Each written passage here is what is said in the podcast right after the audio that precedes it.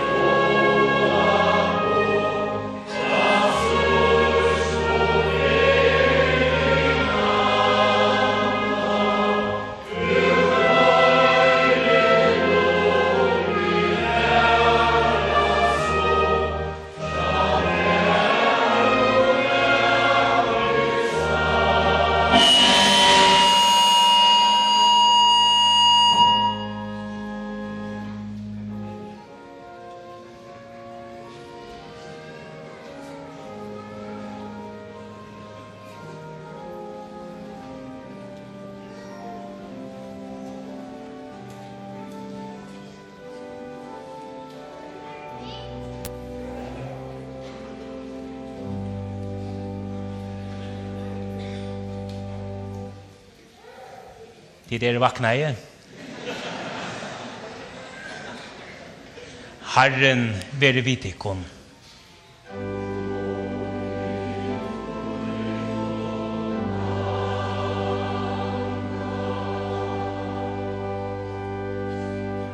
Lät om okkon öll bia. Herra var god, himmelske fægir. Vi takkar der fyrir miklona og miskuntuina. Herra Ja, du vi høyla i året tog innom okkon og i et gledelige brittlepe, tja innom himmelska kongasinon, og vi hånden hever fyrtjiv okkon atlare sinter okkara. Men jeg tja frostingar, møgnboar og vantar daglige er utan om okkon, og vi til okkon sjolvun er voik og lachtlige vera frosta til sint, så bia vi til, at du i høyla i andatøynon vil varva et okkon og i nage tøyne så vil høyas født okkara, ikkje falla fra tær, men i sannare trygg vo alit av vera verandi uiklad til rettvise, som tog vi øynbarna sine tøyna om Jesu Kristi, hever giv i okkon, og vera sjal atlar ever, fyrir han, som vi tar liver og rever, og i øynløyga høyla av andans, ein sannor god om alder og ever atlar.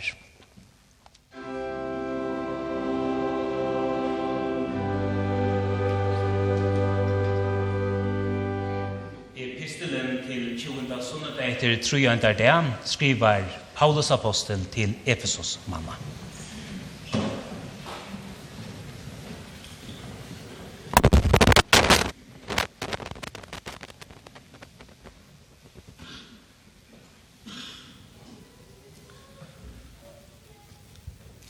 Hafið þið nákvæma gátt á hvernig þið breytið, ekki sem fávís, heldur sem vís. Notið hverja stund því að dagarnir eru vondir. Veri því ekki óskinsum, heldur reyni að skilja hver sé vilji drottins. Drekkið yfir ekki drukkin af víni, það leiðir aðeins til spillingar, fyllist heldur andanum og ávarpið hvert annað með sálmum, lofsöngum og andlegum ljóðum. Syngið og lofið drottin af öllu hjarta, og þakkið jafnan Guði föðurnum fyrir alla hluti í nafni drottins vors Jesu Krists. Þannig hljóðarið heilaga orð.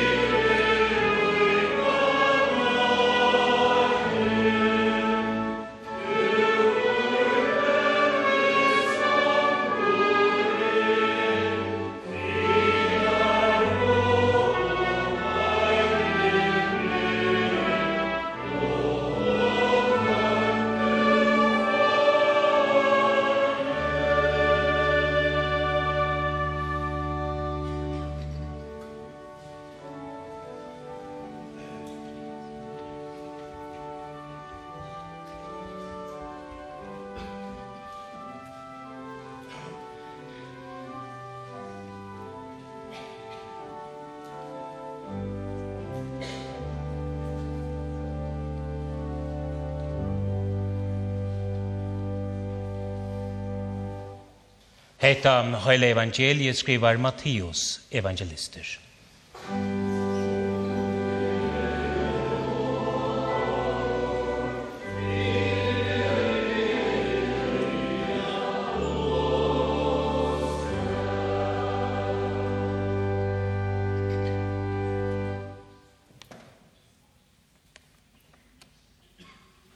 Igjen talte Jesus til dem i lignelser – Himmelrike kan sammenlignes med en konge som skulle holde bryllup for sønnen sin. Han sendte tjenerne sine til de innbytte og ba dem komme til bryllupet. Men de ville ikke komme. Da sendte han andre tjenere ut som skulle si til de innbytte, festmål til er gjort i stand, oksen og gjøkalven er slaktet, Alt er ferdig. Kom til bryllupet. Men de brydde seg ikke om det. En gikk til sin åker, og en annen til sin forretning. Resten av dem la hånd på tjenerne, mishandlet dem og slo dem i hel.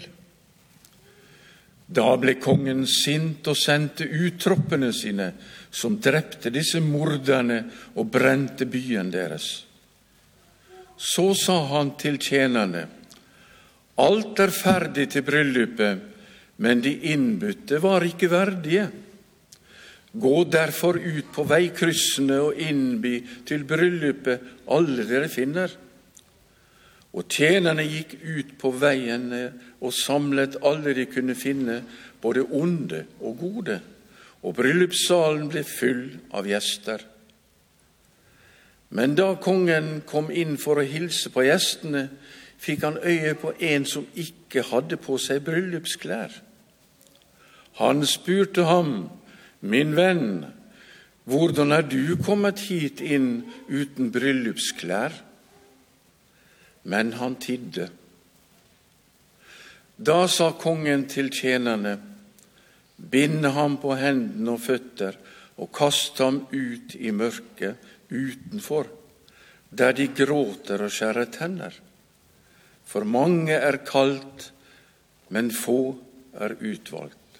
Slik lyder Herrens ord. Lært om okken gjort av okker trygg.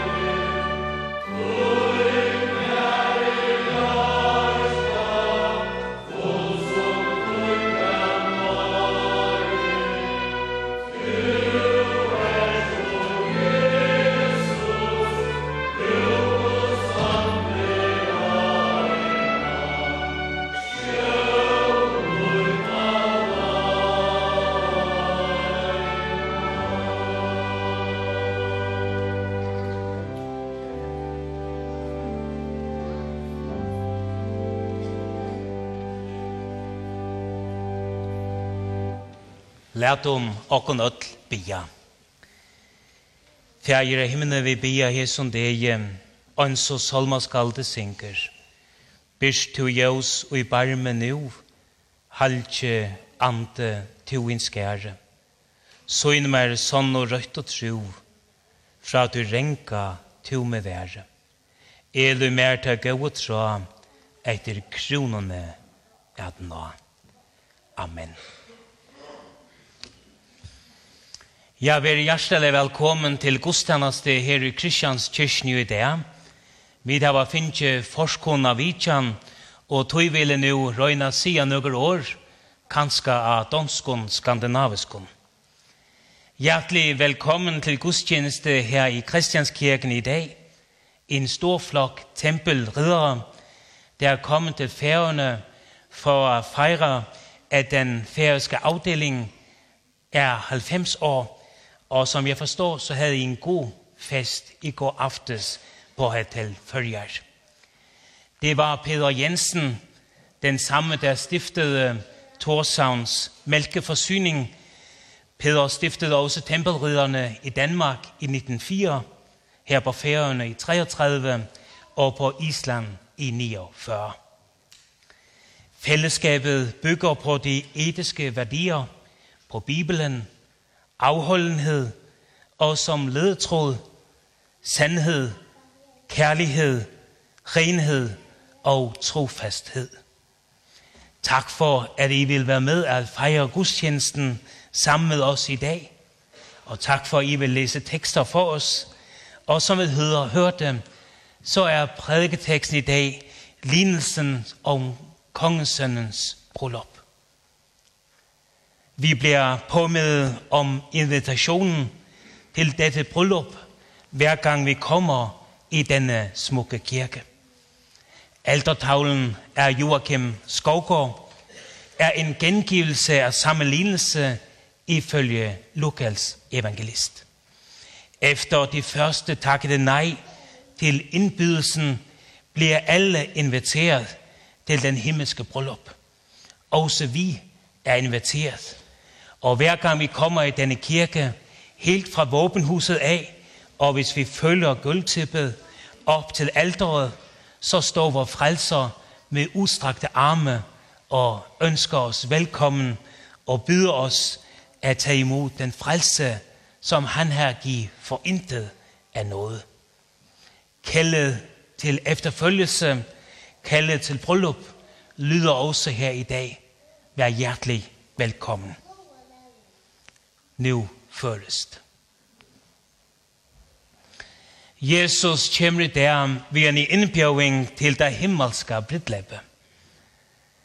Ta jeg for en innbjøring til et brittlepp, så gleder jeg meg til å komme til gåan med, samvere og underhold. Ta jeg kona min, for så min innbjøring er nær om første tanken, hva skal det fære ui? til atjanare føringardagen tja Kristian Prins fyrir Viko sujane vore grøy på kiven til torra og i bojen vore. Jeg har tåsa vi en erverante tja øynon og jeg finner hessa ståre innbjøving. Her var en dresscode anten tjauarpuna etla kjole og hvitt. Til hina himmelsko varslena heva vi ikkje nekka vel, ta det ræver om okkara klæje.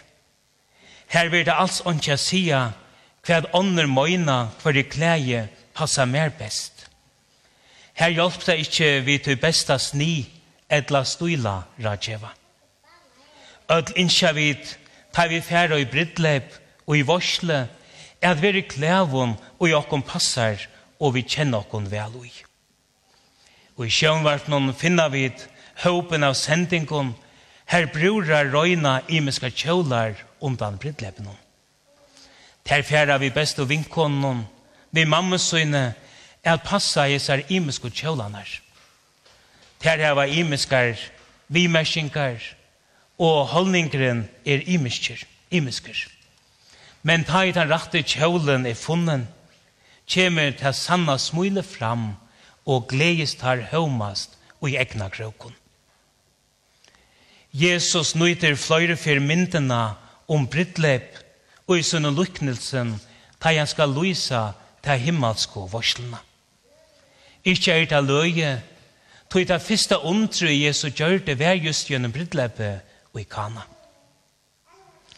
Da Jesus tåsar om emeløykan Guds rujtje, så ser man på han ofta tog himmelske varslene ved just et brittlepp. Jesus innskjer at så mange som gjørlet vera vidles av større varsle. Ja, hjertens innskjanser er at ødel må være vi.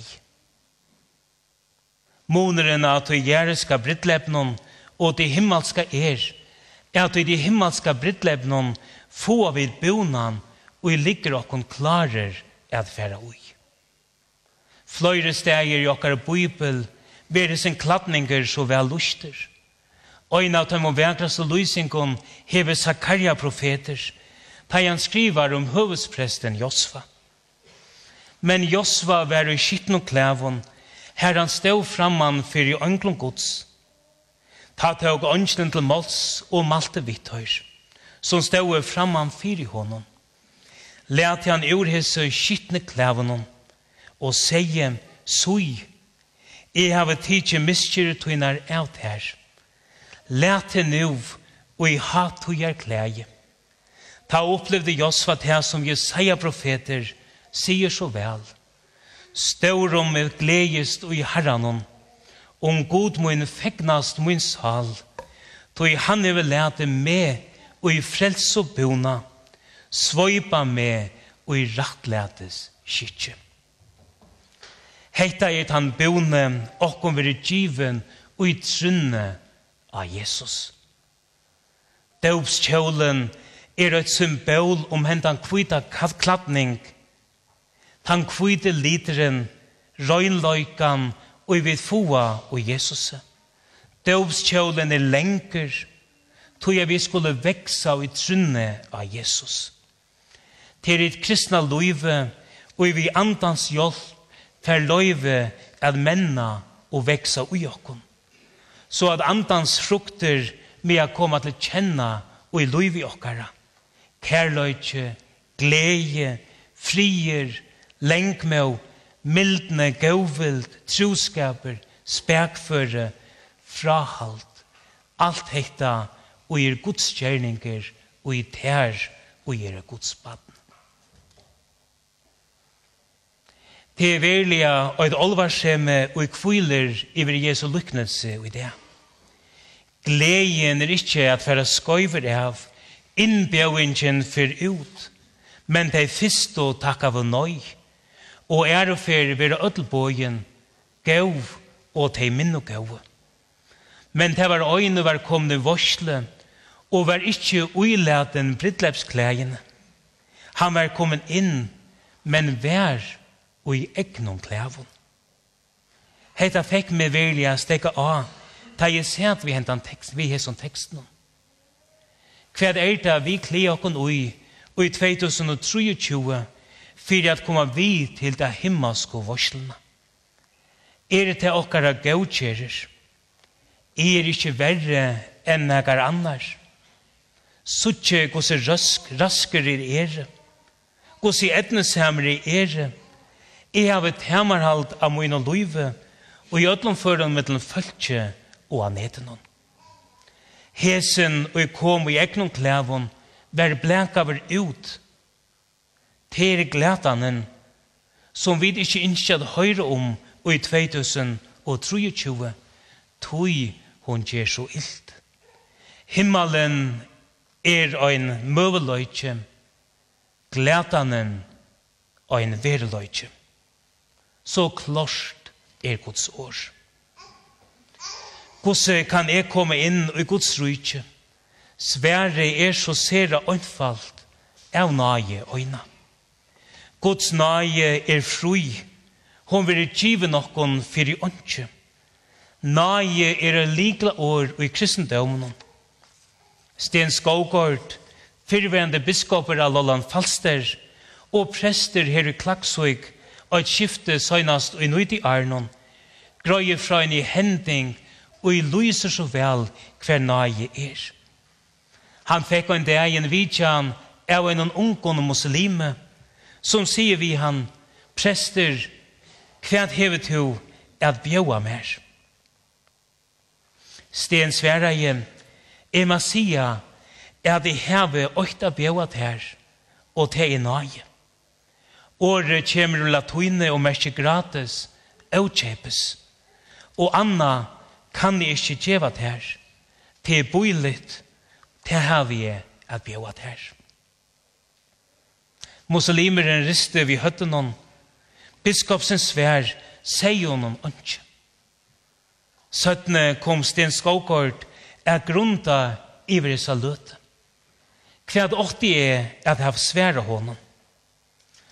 Han skulle sagt, er man skuffa til, er han vi alls åndsje at bjøa til her. Så som du spurte, og som vi opplevde til, da du stod framan fire mer, er at du lyder så nekva til sjolvan, og feit av fætan, er at du er ryker, du hever no mykje, og i tunni egne trikv, du er metter.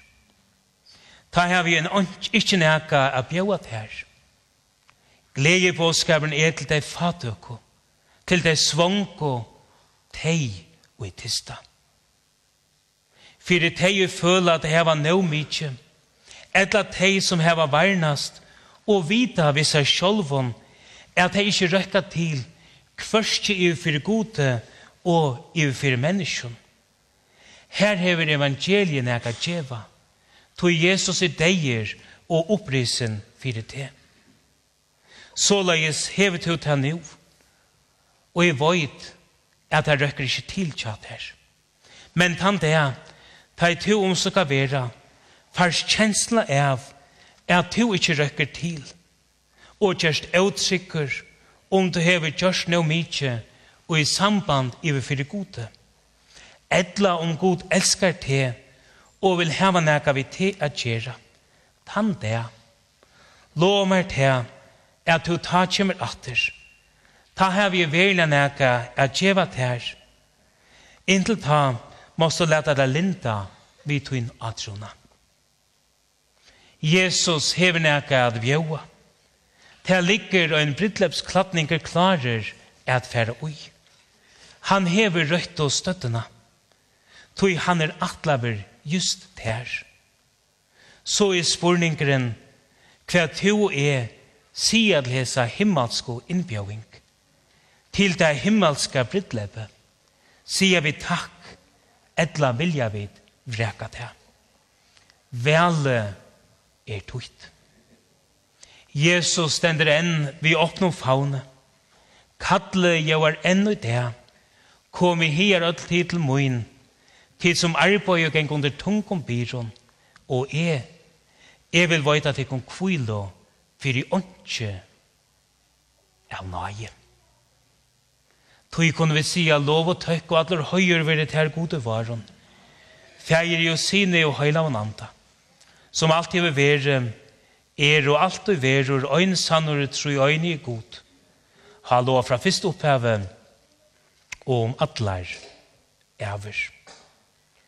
Vi prysa tunne navne, til en høyleie hver stor drøkker til himna.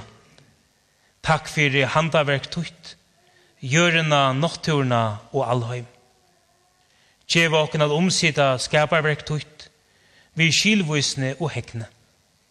Lær okken at liva luive og enn jaunva mellom arboi og frutoi. Takk fyrir en øynstaka, at hver menneska ut hundan eion ber evan loikans fyre. Hjalp okken at suttja neka tui, og i tus så vidt vi åren verst jo etfer, kunne kvartja vøvn her vøvnløse ræver, skapa trivna her luive hevda svårst. Fyll gjørst du okkara vidt unnom frie himmelsko røv og sælo. Gjev okna kvile trunni av frels og tøyna og i sine tøyna Jesu Kristi. Vald sikna deg sjuko, gjev dem linna til likams og salar. Vetja tøymene syrkja, og hava svarar løter. Vekja dem om bøtten her foreldre i fjæren kvørdel sutt.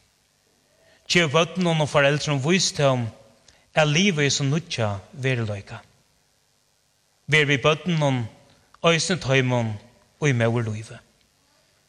Vi bia fyrir tunne utvalda fölkje. Vi bia fyrir krynon i Israel og Gaza. Vi bia om fri, øysne i Rukuina. Og er er steger vi. Ver vi tøymon i stjøttena og roa. Sikna førja løgting og landstyre. Ver vi løgmanne og hos i hansara. Drottningene og hos i hennara. Boi og bygdara. Ver innan bora tja sjåfalt okkara.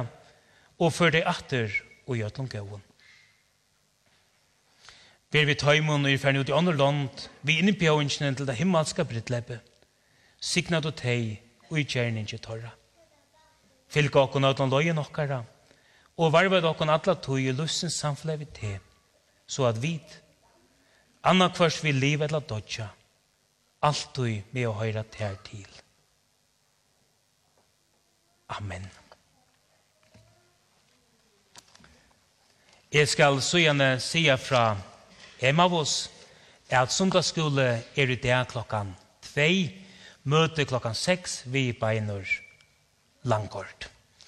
Fra KFMK i Røysen Sundagsskole klokkan 2, Matna Kjøre Vener i dag klokkan 14.45, og møte i kvöld er klokkan 6, vi Karsten Fonsdal Mikkelsen, evne er skapan etla menning. Og i kommande vike byrjar misjonsvikan i KFMK, og byrjar vi i mannakvölde vi Batna møtun.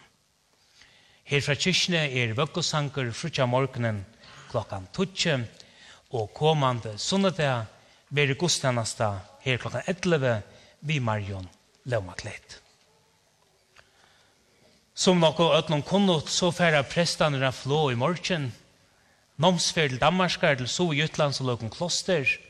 Vi færa morgen om god vil og liva var atter frutja kvölte. Og jeg som tøyarskøy røtja Emil Olsen og Henning Bøkesvang Kattle og i Esterøy og Norrødtjøn. Takk til Kåre og Kristians Kyrkene som vil være via lotak her i dag. Takk for tikkere vekra sang. Vi kommer høre tikkere nå etter Pratiko og til postlotium. Takk til Andra Sølstein for vekra hopploster. Og takk for vidtjene av tempelrytterne og tikkere nødlån. God sikne tikkere dagen. Lærdom okkom via apostelen innskjag for øren. Herrens Jesu Kristi nage, kærløyke Guds og samfellar i antans, vere vi okkom, ötlund.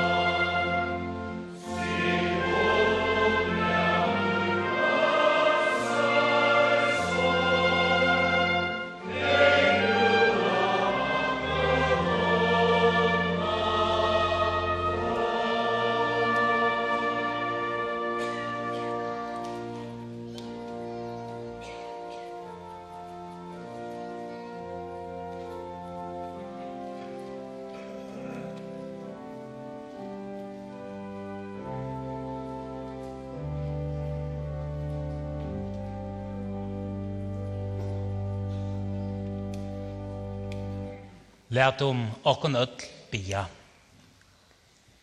Og herra god himmelske fægir, vær tøykom tære fisa fægir velkjer tøyna, at du har miklo nøy og miskun tøyna i vikiv i okken til høylava og sæla år, som du savner av kristne kyrkjøttina vi, øysni her til okken. Vær bium til ei mjukjelia. Gjev okken høyla anda tøyn, så vi tægget møte tøy vi takk som i gjørstum. Halt okken etter tøy, alt du veksa og fer fram i kristeligere trygg, vøvn og kærløyka.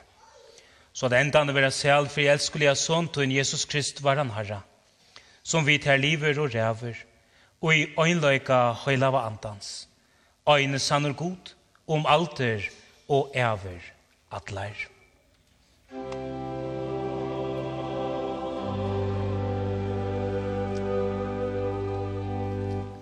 Tætje med det sikning herrans.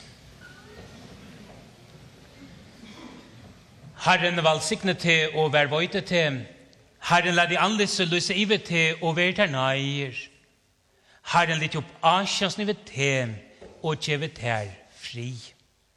Musik